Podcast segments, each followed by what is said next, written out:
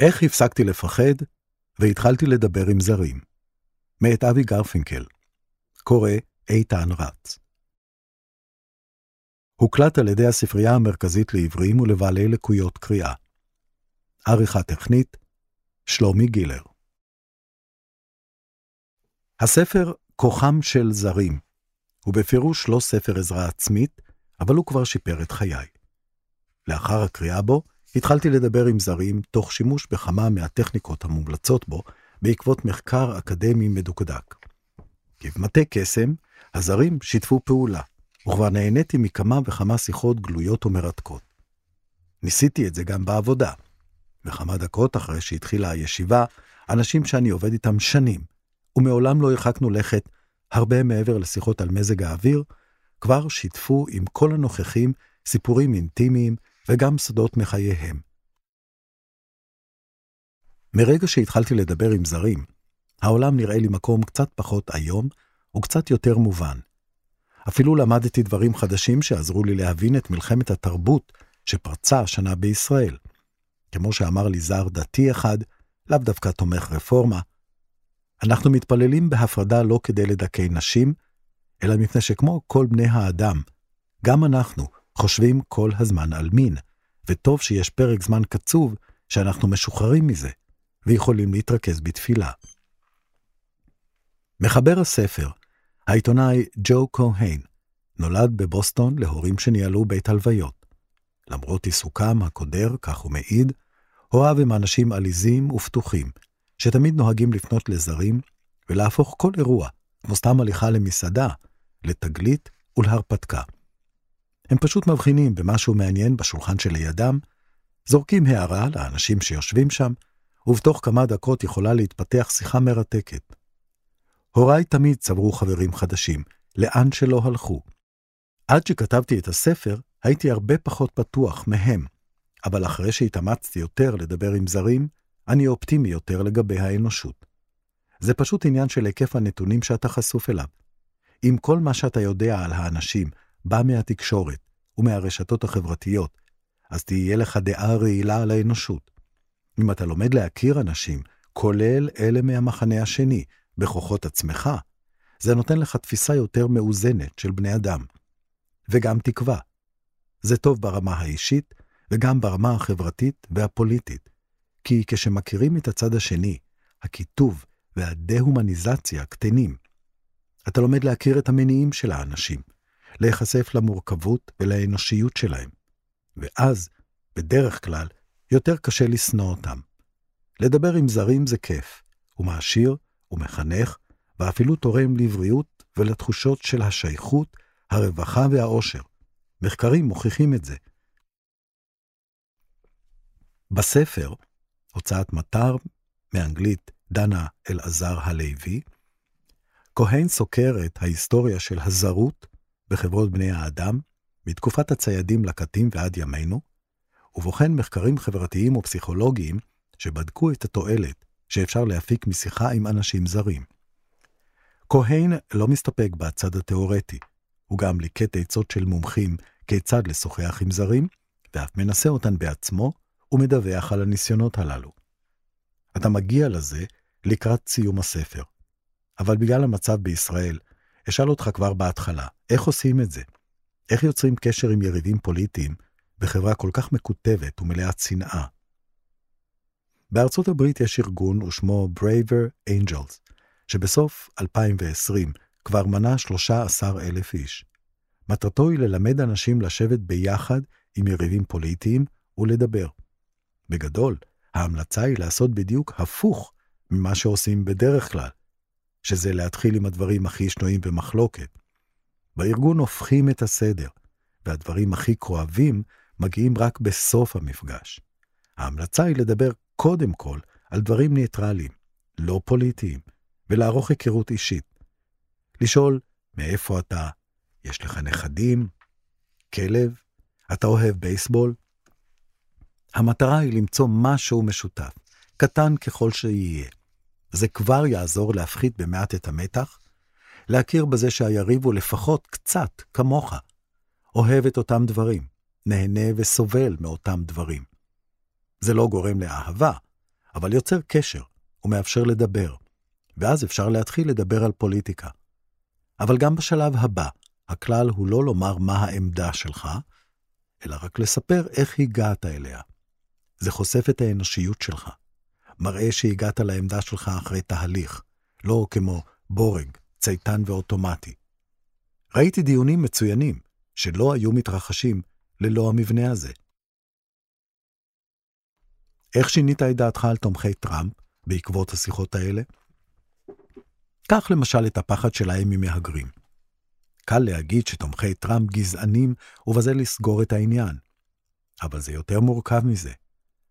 הסופר האפרו-אמריקאי ג'יימס בולדווין כתב שזהות נעשית מוטלת בספק רק כשמשהו מאיים עליה, וכן כשהחזק מתחיל לקרוס, או כשהחלש מתחיל להרים ראש, או כשהזר נכנס מבעד לשערי העיר, ומאותו רגע ואילך הוא לעולם אינו עוד זר. נוכחותו של הזר הופכת אותנו לזרים, לאו דווקא מבחינתו של הזר, אלא מבחינתנו שלנו. אני חושב שבולדווין צדק. זה מה שמרגישים לבנים רבים שגרים ליד גבול מקסיקו, או בדרום תל אביב. חוסר הביטחון הזה עלול להסלים לחרדה, וחרדה הופכת לרגשות של איום או של נטישה. אלה עלולים לגרום לנו לסגת מהחברה, או להסתער על אותם זרים חדשים ועל השינויים החדשים, בתקווה שנחזיר לעצמנו את הסדר הישן, ויחד איתו את תחושות הביטחון והשייכות שהיו לנו פעם. עמנואל לוינס כתב עוד הרבה לפני האינטרנט, שחשוב מאוד לראות את הפנים של האדם שמולך. הוא צדק. החברה שלנו סובלת מהשתבללות. פעילויות שפעם נעשו בחברת אחרים, ריקוד, מועדונים, ארגונים חברתיים, תפילה בכנסייה, הוחלפו בפעילויות שאנחנו מבצעים בבית, לבד, לרוב מול מסך. הקורונה האיצה את זה, ועכשיו אנשים רבים עובדים בעיקר לבד בבית. אנחנו חיים בזמנים משונים. התחלתי את העבודה על הספר כשהמדינה שלי נמצאה על סף קריסה. חלק מההתפוררות ומהקיטוב הפוליטי הוא תוצאה של ההשתבללות וההסתגרות הזאת. של העובדה שאנחנו לא נפגשים פנים אל פנים. הרשתות החברתיות הן מקור של הרבה מהרע הזה. מחקרים הראו שאנשים שהביעו את דעתם בקול, נתפסו בעיני הנמענים כאנושיים יותר, מאשר אלה שדעתם הובעו רק בכתב, גם כשהדעות היו מנוגדות לשלהם. להיפגש פנים אל פנים זה שונה לחלוטין מדיונים פוליטיים באינטרנט. שם קל לנו הרבה יותר לעשות דה-הומניזציה לאנשים שבצד הנגדי, כי אנחנו לא רואים אותם. בספר אתה מתאר תופעה שנקראת עיבוד מתגונן. מדובר במצב שבו אנחנו חוסמים כל מידע שסותר את אמונותינו הקיימות. כולנו עושים את זה, כשאנחנו לחוצים, או מרגישים עומס, או בשעה של משבר פוליטי. אבל אם אנחנו עושים את זה יותר מדי, זה עלול לחסום כל מידע חדש, ולהעצים עוד יותר את האמונות שיש לנו.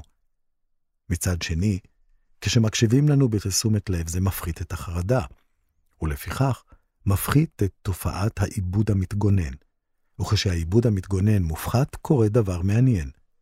הדוברים מתחילים לשים לב לחוסר העקביות שבעמדותיהם שלהם, והם מפתחים הבנה מורכבת יותר של שני צידי הטיעון.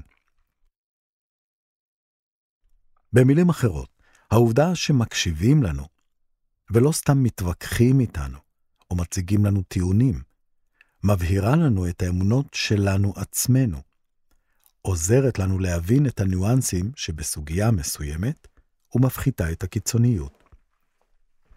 החוקר הישראלי גיא יצחקוב ביקש ממאות משתתפים ישראלים לדון בדעה קדומה אישית כלשהי. כמה זכו להאזנה קשובה, שכוללת הבעת תמיכה, אמפתיה והבנה. אחרים זכו להאזנה ירודה, שטחית, וכחנית, כזו שרק מחפשת את הסתירות והטעויות בדבריהם. מקשיבים שרק חיכו לתורם לדבר, וכולי. יצחקוב גילה שהאנשים שהקשיבו להם היטב חוו צניחה בעוצמת הדעה הקדומה שלהם. אלה שלא הקשיבו להם היטב דבקו בדעה הקדומה. הוא האמין שהסיבה לכך היא שאנשים שמקשיבים להם מרגישים מתגוננים פחות, וזה מאפשר להם לבדוק לעומק את אמונתם ולהיות פחות וכחנים מאנשים שלא זוכים לקשב ראוי. בדיוק הפוך מהדרך שבה מתנהלים רוב הדיונים הפוליטיים. יש לך המלצות נוספות איך לדבר עם אנשים בצד השני? אחת, לדבר פחות בנחרצות. למשל, לא להגיד, אנחנו מתקרבים לנקודת האל-חזור בכל הקשור להתחממות הגלובלית. אלא לומר, אני חושש שאנחנו מתקרבים לנקודת האל-חזור בכל הקשור להתחממות הגלובלית. 2. אנחנו יכולים להביע ביקורת כלשהי על הצד שלנו, כדי להמחיש שאנחנו לא תומכים במפלגה שלנו בעיניים עצומות. 3. כשישנה מחלוקת, עדיף שנגיד קודם כל משהו בסגנון "אני מבין אותך", כדי להמחיש שזה אכן כך. 4.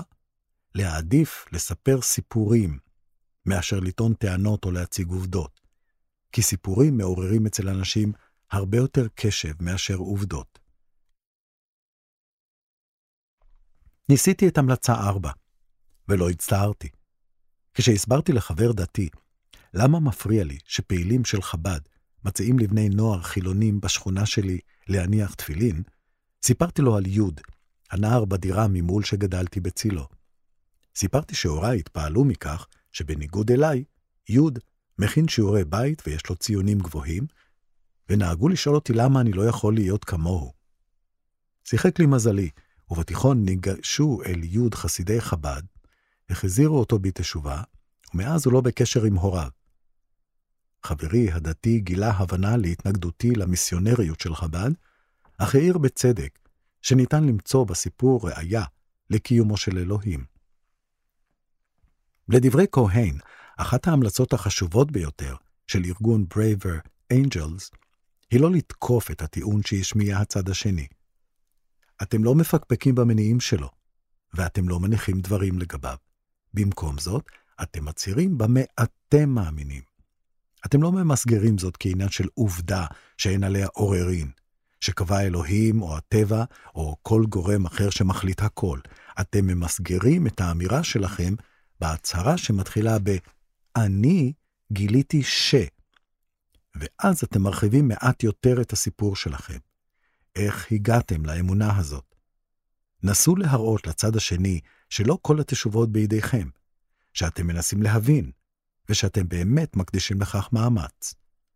רפובליקאים רבים מודאגים מכך שהשמאל הקיצוני ישתיק אותם, יעליב אותם ויזלזל בהם, שיחשבו שהם טיפשים. זה מצב משפיל ומכעיס. התנשאות תמיד מביאה את התוצאה ההפוכה. לאחר שיחת ההיכרות הראשונית, ארגון Braver Angels מנחה את המשתתפים לכתוב מהם ארבעת הסטריאוטיפים המרכזיים, שלדעתם בני הקבוצה השנייה מאמינה בהם לגבי הקבוצה שלהם. הרפובליקאים מתייחסים לרוב להאשמה שהם כולם גזענים, והדמוקרטים בוחרים בדרך כלל לציין את הביקורת הטוענת שהם רוצים שהממשל יפתור את כל הבעיות. אחר כך מנחה הדיון שואל את המשתתפים שתי שאלות. קודם כל, אז מה בעצם נכון? ושנית, האם יש גרעין של אמת בסטריאוטיפ הזה?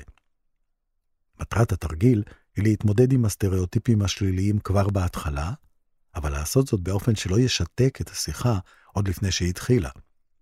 אם כל צד היה מתבקש למנות את ארבעת הסטריאוטיפים שיש לו עצמו על הצד השני, הייתה נוצרת תחושה של מתקפה הדדית, והקבוצות היו מתבצרות, כל אחת בעמדתה. בשלב הבא, שואל המנחה את המשתתפים, למה הערכים והמדיניות של הצד שלכם מועילים למדינה? וכן, מה ההשגות או הדאגות שלכם לגבי הצד שלכם? במהלך התרגיל נאסר על שני הצדדים לדבר על הצד השני, או לאפיין את האמונות של הצד השני. אסור להגיד, בניגוד למה שאנשים בצד השני חושבים, אנחנו מאמינים בשלטון אחראי. כי הרבה מהתקלות שקורות בתקשורת של אנשים משני אברי המתרס, מתרחשות כשאנשים מתארים את העמדה של הצד השני. לאחר מכן, המשתתפים מחולקים לזוגות, ונשאלים אם יש להם משהו במשותף עם בן הזוג. הרעיון הוא למנוע הצהרות כמו תוכנית אובמה קר היא אסון. ולכן המשתתפים מקבלים רשות לשאול רק שאלות המשך, שיעזרו להם להבין טוב יותר את עמדתו של הצד השני. לבסוף נשאלים המשתתפים מה כל אחד למד מההקשבה לאחר, והם מתבקשים להסביר למה הם חושבים שהגישה שלהם טובה למדינה. שאלות הסיום הן, מה התקוות והשאיפות שלך למדינה? מה אמר הצד השני לגבי התקוות והשאיפות שלו? וכן, האם אתה מוצא קווים משותפים כלשהם? בישראל רבים מתנגדים למעגלי הידברות ולמפגשים לקירוב לבבות, בטענה שהם מניפולציה מזויפת, שנועדה להרדים אותם ולהסוות מחלוקות אמיתיות ומעשי עוול שאין להתפשר עליהם. תמיד יש סיכון כזה. תמיד יכול להיות שהזר או היריב הפוליטי רק מעמיד פנים ידידותיים ומבקש לרמות אותך. אבל גם הטעות ההפוכה, כלומר לחשוד במישהו שכוונותיו טובות, גובה מחיר עצום. זו יכולה להיות אפילו טעות קטלנית והרסנית לחברה. אנחנו עלולים להיקלע, וכנראה כבר נקלענו, למצב שנקרא חרדה בין קבוצתית.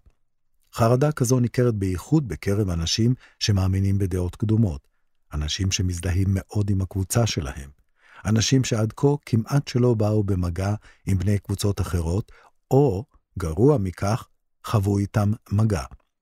במקרה כזה, יש ארבעה פחדים.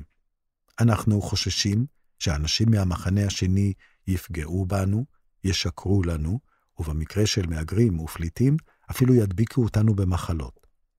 אנחנו חוששים להיות נבוכים, מבולבלים, כועסים, מתוסכלים, או שנרגיש שלא מבינים אותנו. אנחנו חוששים שהם יסלדו מאיתנו, ילעגו לנו או ידחו אותנו. ואנחנו חוששים שכל מגע איתם יזכה לביקורת מאנשים בני הקבוצה שלנו. מדינות ותרבויות נבדלות זו מזו ביחס שלהן לשיחות עם זרים? מה שבאמת הפתיע אותי כשחקרתי את הנושא ונסעתי ברחבי העולם, היה שחשבתי שמדינות יציבות, עמידות ושלבות, יקבלו יותר זרים, ויהיו מוכנות יותר לשוחח איתם, כי תהיה פחות תחושה של איום. אנחנו יודעים שפחד מתקיפה יכול לגרום לאנשים להימנע מזרים, נכון? אבל אז נסעתי לפינלנד, מה שנקרא המקום הכי מאושר עלי אדמות, ואף אחד לא דיבר עם אף אחד. היה לי נהג מונית, ששאל אותי למה בכלל הייתי שם, כי הפינים הם הכי גרועים בעולם בלדבר עם זרים. זה לא אומר שהם לא היו נחמדים, הם פשוט היו מופנמים. התברר לי שדווקא מקומות שהם פחות יציבים ופחות שלווים, הם לרוב המקומות שבהם אנשים מדברים יותר עם זרים. הסיבה לכך היא שאזרחים לא בהכרח יכולים לסמוך על ממשל מרכזי יעיל ובעל תפקוד גבוה כדי להשיג להם את מה שהם צריכים. הם צריכים לסמוך יותר על אנשים אחרים כדי לבצע דברים, לאסוף משאבים, ליצור קשרים, והאנשים האלה הם לרוב זרים. נכון, הם צריכים לקבוע תחילה אם אדם עשוי להיות איום, אבל הם גם צריכים להוכיח לאחרים שהם לא מאיימים, כדי שהם יוכלו לעבוד יחד. שתי הפעולות האלו דורשות כישורים חברתיים מעודנים ביותר, כולל כמובן היכולת לדבר עם זרים. זו הייתה תובנה גדולה עבורי. החיכוך גורם לנו להיות חברתיים, לא כל הזמן, אבל לעתים קרובות מאוד. כתבת בספר שהחרדות והקיטוב מחמירים בחברות שבהן נהוג קפיטליזם קיצוני. קפיטליזם בלתי מרוסן מוביל לדה-הומניזציה של האחר ולתחושות של איום. כולם מרגישים פגיעים, זו האירוניה בארצות הברית, שגם העשירים מרגישים שכל רגע הם יכולים לאבד את כל מה שיש להם. וכשאנשים מרגישים מאוימים, הם נסוגים, משתבללים, מתראים רק עם בני קבוצתם. קפיטליזם כזה הורס אמון. וחייבים אמון כדי שחברה תתפקד באופן בריא. בארצות הברית אי השוויון הכלכלי עצום, ואין כמעט קשר אמיתי ועמוק בין עניים לעשירים. התוצאה היא שאף אחד לא רואה את האנושיות של האחר. חשוב במיוחד שהעשירים יכירו את העניים, כי ההחלטות שלהם משפיעות על העניים. אתה שומע מנכ"לים, וקולט שהם לא מבינים אנשים, מה מניע אותם, כי הם לא מכירים אותם. הם פשוט רוצים לחיות על הירח או בניו זילנד כשהחברה תתמוטט. דבר כזה יכול להרוס את החברה. הטרגדיה היא שמערכת התגמול מעודדת פוליטיקאים, עיתונאים, וגם סתם אנשים שמחפשים לייקים, לעשות בדיוק ההפך מכל מה שאמרת. להקצין, להתלהם, להתבטא בתוקפנות, לחשוב באופן שבטי, פשטני וחד צדדי, להתעלם ממורכבות, לא להביא בחשבון שלא כל הצדק נמצא אצלם. התמריצים הם נגדנו, זה נכון. מה שהפוליטיקאים עושים זה פשע. אמנם יש בהתנהלות שלהם היגיון מבחינתם, אבל התוצאות ארוכות הטווח של זה הן קטסטרופליות. אנחנו רואים את התוצאות גם אצלנו, בישראל. מפלס החרדה והשנאה עולה, ואיתו גם הרגישויות. תפילה בציבור בהפרדה, שבשנה שעברה איש לא פעל נגדה, שעיריית תל אביב החופשית אף התגאתה בה, נתפסת עכשיו אצל ליברלים רבים כצלם בהיכל. ראיתי אנשים במחנה שלי שמתנהגים כהמון מוסת, שמפוצצים תפילה גם אחרי שהמחיצה הוסרה. ראיתי את ההתענגות השבטית על כך, כמעט שהתפתיתי לה בעצמי. למה זה קורה לנו? ההסבר הפוליטי הוא שבעת חרדה צריך לצופף שורות בתוך הקבוצה ולהתמסר לחשיבה של אנחנו והם, כדי לא להרגיש לבד או חסרי אונים. להיות חלק מקבוצה שחבריה כולם פועלים ביחד, מפיג בדידות ונותן תחושה של כוח ונחמה. אבל אז כמובן הניואנסים והמורכבות, ולפעמים גם האמת, נזרקים לפח. יש לכך גם הסבר ביולוגי. כשאנחנו מייצרים את ההורמון אוקסיטוצין, הוא מאפשר לנו לחבב אחרים בקבוצה שלנו ולהזדהות איתם, לנהוג על פי נורמות משותפות, לבטוח בבני הקבוצה האחרים ולשתף איתם פעולה. הצד השני של המטבע הוא שכשאנחנו מאוימים בידי קבוצות אחרות, אוקסיטוצין עוזר לנו להגן על בני השבט שלנו מפניהם, בכך שהוא גורם לנו לעשות לאחרים דה-הומניזציה, ומסתיר מאיתנו את הכאב שהם חשים. וכך, מולקולה אחת קטנה מגלמת בתוכה את כל היופי ואת כל הזוועה שבקיום האנושי. הבדידות, בעיקר בעולם המערבי המודרני, הפכה למגפה. שיעורי האנשים המדווחים כי הם בודדים עלו בחדות, והבעיה פוגעת בעיקר בצעירים שנולדו לעידן המסקים והסמארטפונים, ופשוט לא פיתחו את המיומנויות הנחוצות ליצירת תקשורת פנים אל פנים עם אחרים. יש לכך השלכות נפשיות ופיזיות, כמו מחלות לב, וכמובן דיכאון וחרדה. מדינות אחדות כבר הכירו בכך, למשל יפן ובריטניה, שאף מינתה לפני שנים אחדות שרה מיוחדת לטיפול בבדידות. מדינות אלה פועלות כדי לקרב בין אנשים בפעילויות שונות, כמו מפגשים יזומים בבתי קפה ובמתנסים, ומתן קורסים שנועדו לעודד אנשים להתגבר על הבושה והמבוכה, וללמד אותם איך לדבר עם זרים וליצור קשרים. כהן חקר את היוזמות והקורסים האלה, ואסף המלצות מעשיות כיצד לדבר עם זרים. הדבר הכי פשוט והכי חשוב זה לנסות, הוא אומר, להבין שאנשים דווקא משתוקקים שידברו איתם. מניסיון, זה כמעט תמיד עובד. אפשר לחרוג מהתסריטים הקבועים, ובמקום לענות בסדר על השאלה מה שלומך, לענות במספר. למשל, שמונה מתוך עשר. כשתשאל את הצד השני מה שלמה, פעמים רבות הוא יענה כמוך, במספר. ואז אפשר לשאול אותו, מה צריך לקרות כדי להפוך את היום שלך משבע לעשר? הרבה פעמים תתפתח מכך שיחה מרתקת. דרך אחרת היא לאותת שאתה מודע לכך שאתה מפר נורמה חברתית לא לדבר עם זרים, ובכל זאת עושה זאת. למשל, תראה, אני יודע שזה לא מקובל לדבר עם זרים באוטובוס, אבל אני מחפש לקנות משקפיים כמו שלך. עוד המלצה היא להתייחס לדבר מה ששניכם מעידים לו. אירוע ברחוב, או תמונה במוזיאון ששניכם מביטים בה.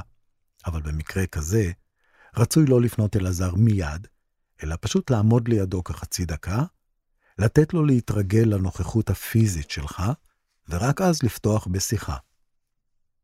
לדברי כהן, אחד הפרדוקסים שבשיחות עם זרים הוא שמצד אחד סקרנות היא הכרחית, אבל מצד אחר, הפגזה של שאלות כבר בהתחלה עלולה להיתפס כחטטנות או כראיון, מפני שבן השיח שלנו עדיין אינו יודע מה מטרתנו בשיחה, ואם יש לנו אג'נדה מסוימת. אפילו שאלה אישית אחת, שנשאלת בשלב מוקדם מדי, עלולה ליצור דינמיקה לא נעימה, מפני שאנחנו מבקשים משהו ממישהו. אנחנו תובעים ממנו משהו. לכן, הצהרות ולא שאלות הן דרך טובה יותר לפתוח בשיחה. שאלה מחייבת תשובה, אבל הצהרה משאירה לבין שיחנו את ההחלטה אם לדבר. הצהרה אינה תביעה, היא הצעה. אנו מבחינים במשהו בסביבה המשותפת שלנו, מעירים על כך משהו, ומחכים שהצד השני יגיב. אם הוא עשה את זה, אנחנו מגיבים בעוד הצהרה שמתייחסת לדבריו. אני חושב שהאנשים שמבינים ומיישמים את הכללים האלה באופן אינסטינקטיבי, יהיו יותר מקובלים ופחות בודדים מאנשים אחרים, וגם יותר בריאים ומאושרים. אם מדברים על היחס אל הזר, מה לדעתך קורה היום מבחינה זו בארצות הברית על רקע המלחמה בין ישראל לחמאס? המצב מורכב ומסובך, וקשה לי לענות על השאלה הזאת. אני חושב שלהרבה אמריקאים יש קשר אישי אמיתי לסכסוך, יש להם משפחות מעורבות, או שהם ישראלים, או יהודים, או מוסלמים או פלסטינים, או שיש להם חברים או עמיתים שם, או שהם נסעו לאזור. זה לא מפתיע שהם מגלים מעורבות במה שקורה. אין ספק שחלק מהאלימות נובעת בבירור מאנטישמיות או אסלאמופוביה. אבל קורה משהו נוסף, שאני מתקשה לשים עליו את האצבע. נראה שחלק מהלהט של אנשים נובע מכך שהסכסוך הוא מאבק פרוקסי נגד האויבים האידיאולוגיים שלהם. ואני חושד, וזה לא מבוסס על שום דבר מלבד התבוננות שלי בהפגנות, שחלק מהדברים קשורים למגפת הבדידות. אנשים נואשים לחיבור, לקתרזיס, והכניעה למחאה מסיבית יכולה לספק את אותו צורך רגשי אנושי עז ועמוק. אולי הבדידות היא דלק שנשפך על האש כאן. אין ספק שזה מה שהרעיל את הפוליטיקה שלנו עוד לפני שנים. יש ראיות לכך שניכור דוחף אנשים לעבר קנאות, כניעה להמון ואוטוריטריות. כמו שאלבר קאמי כתב, עריצים נושאים מונולוגים על אודות מיליון בדידויות.